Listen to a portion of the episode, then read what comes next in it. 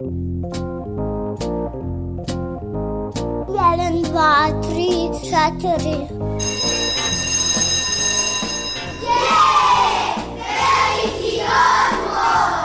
Emisija o obrazovanju i vaspitanju. E, Kad neka vaspitačica kaže da je veliki odmor, onda nešto radite. Jedeš, treniraš, skačeš, julješ se, eto, i tako. Vi slušate veliki odmor. Veliki odmor.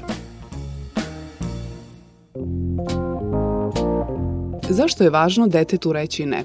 Zato što ga time učimo o granicama i kako one utiču na razvoj ličnog integriteta. Da li izgovarajući ne, roditelji uskraćuju ljubav prema detetu?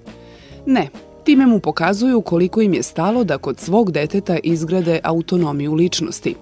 Šta dete poručuje kada negoduje? Poruka je jasna. Dete uspostavlja odnos sa sobom i onim kako njegovo ponašanje utiče na druge. Ja sam Biljana Kuriš, a ovoga puta Veliki odmor otkriva kako reći ne mirne savesti u odnosima roditelj-dete.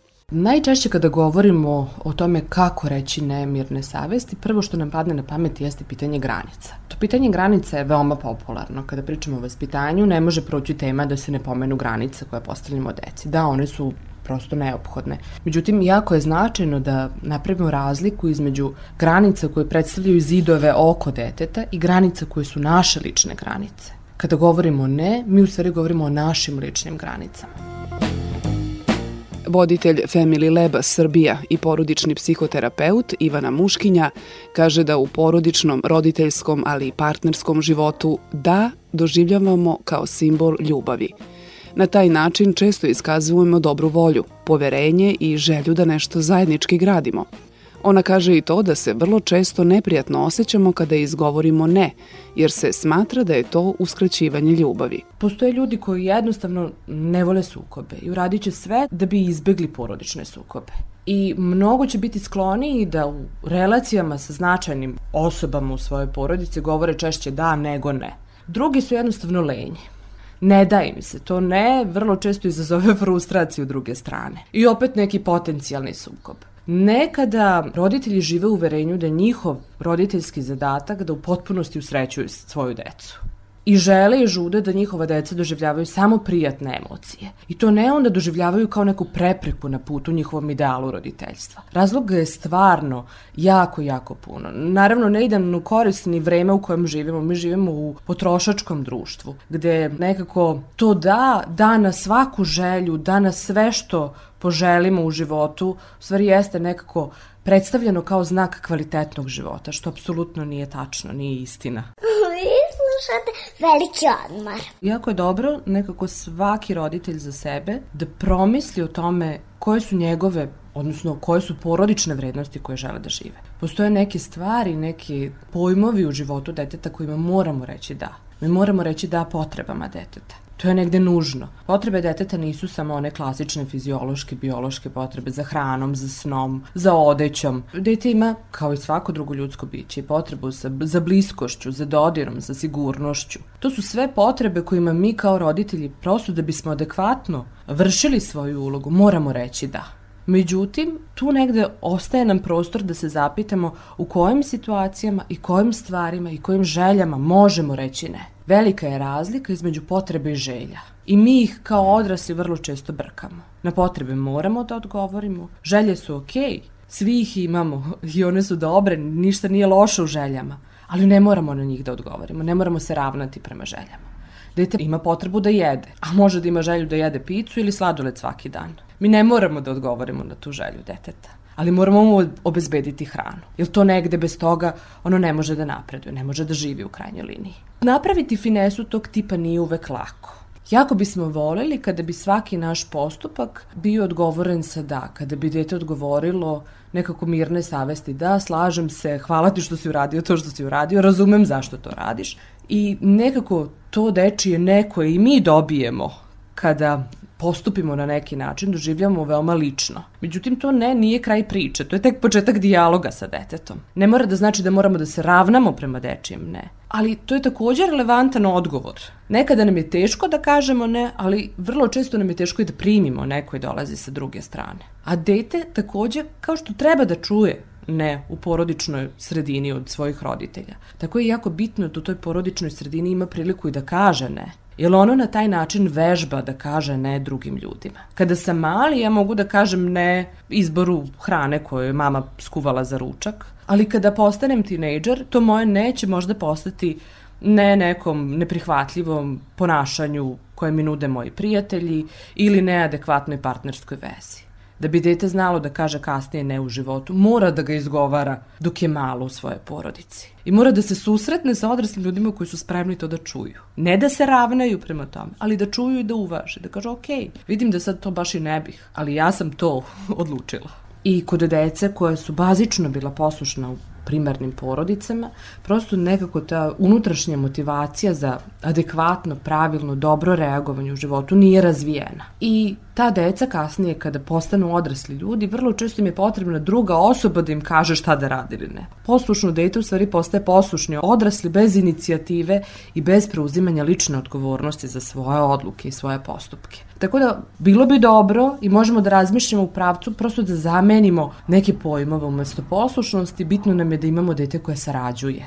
Dete koje sarađuje ne znači nužno da će se uvek obradovati našoj odluci. Slušate Veliki odmor – I kao da je bilo nekad. I kao da je bilo tu. Pod velikim svetlim suncem Pod velikim svetlim slodom. Ručali smo meso Glodali smo kosti dobrih životinja. Mi imamo snage, mi imamo snage za još dan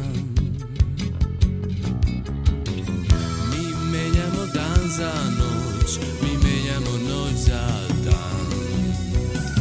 Mi menjamo dan za noć, mi menjamo noć za dan. Prolaze brodovi,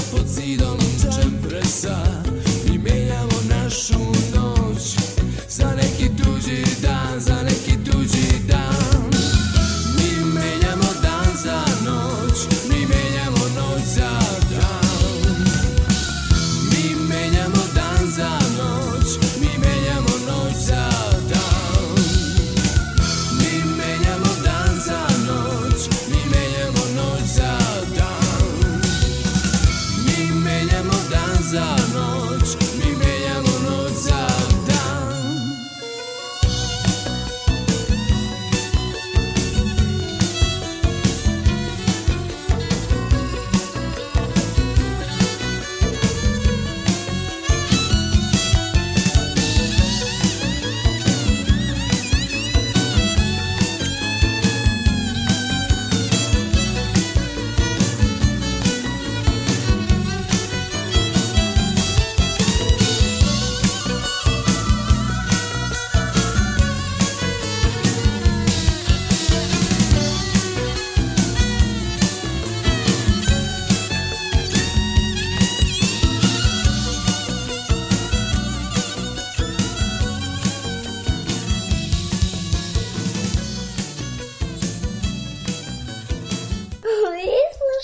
Veliki odmor. Kada roditelj izgovara ne, tada nesvesno iskazuje svoje lične granice, poručuje Ivana Muškinja. Ono što možemo svi mi jeste da se zapitamo, ok, šta je meni u ovom trenutku u redu? Meni kao odrasloj osobi, meni kao roditelju. I iza čega ja mogu da stanem kao roditelj? Mirne savesti. Čemu ne želim da kažem da čemu ne dolazi u obzir da ću reći da, a oko čega možda mogu i da razmislim. Pa mogu možda i da promenim svoje mišljenje. I tu je jako bitna stvar. Jer dok god to ne uradimo, mi nekako ne preuzimamo odgovornost za naše postupke. A tome smo veoma skloni. Veoma smo skloni kada stvari u porodici funkcionišu dobro, da nekako potopšamo sebe po ramenu i kažemo baš sam uradila dobar posao, ovo mi ide sjajno, a kada stvari baš nisu tako sjajne, da okrivimo nekog drugog. I kažemo, ja, što je ovo dete nemoguće, pogledaj šta radi, ili ovaj moj muž, on ne valja ničemu, da nema njega, sve bi bilo mnogo bolje. Ideja u stvari jeste da mi odrasli da bismo vodili porodični život i bili odgovorni u odnosima sa decom, a uvek smo mi odgovorni za atmosferu koju gradimo sa decom. Moramo se prvo okrenuti nama samima. Jer, nažalost, sada u vremenu u kojem živimo nemamo konsenzusa koji je možda postojao pre nekih 50 godina, pa se znalo. Svi 12-godišnjaci se oblače tako, tako i tako i provode svoje slobodno vreme na ta, ovaj ili onaj način. I nema puno izbora Danas živimo u svetu izbora i živimo u svetu razlika. I to je sjajno sa jedne strane, sa druge strane otežavajuće po sve nas, zato što nas tera u stvari da budemo vrlo refleksivni, da promišljamo sami za sebe i da dobro razmislimo iza čega ja to mogu da stanem kao roditelj i kao pojedinac i da preuzmemo odgovornost. A mi nekako sa tom odgovornošću malo kuburimo.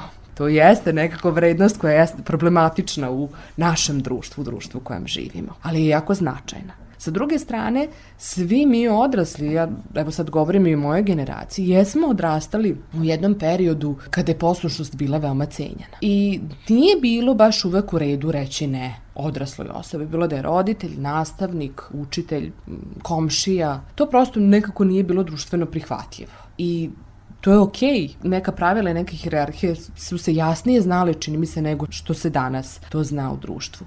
Međutim, sa druge strane, kada odrastate na taj način, odrastate u odrasle osobe koje imaju veliki problem da izgovore ne.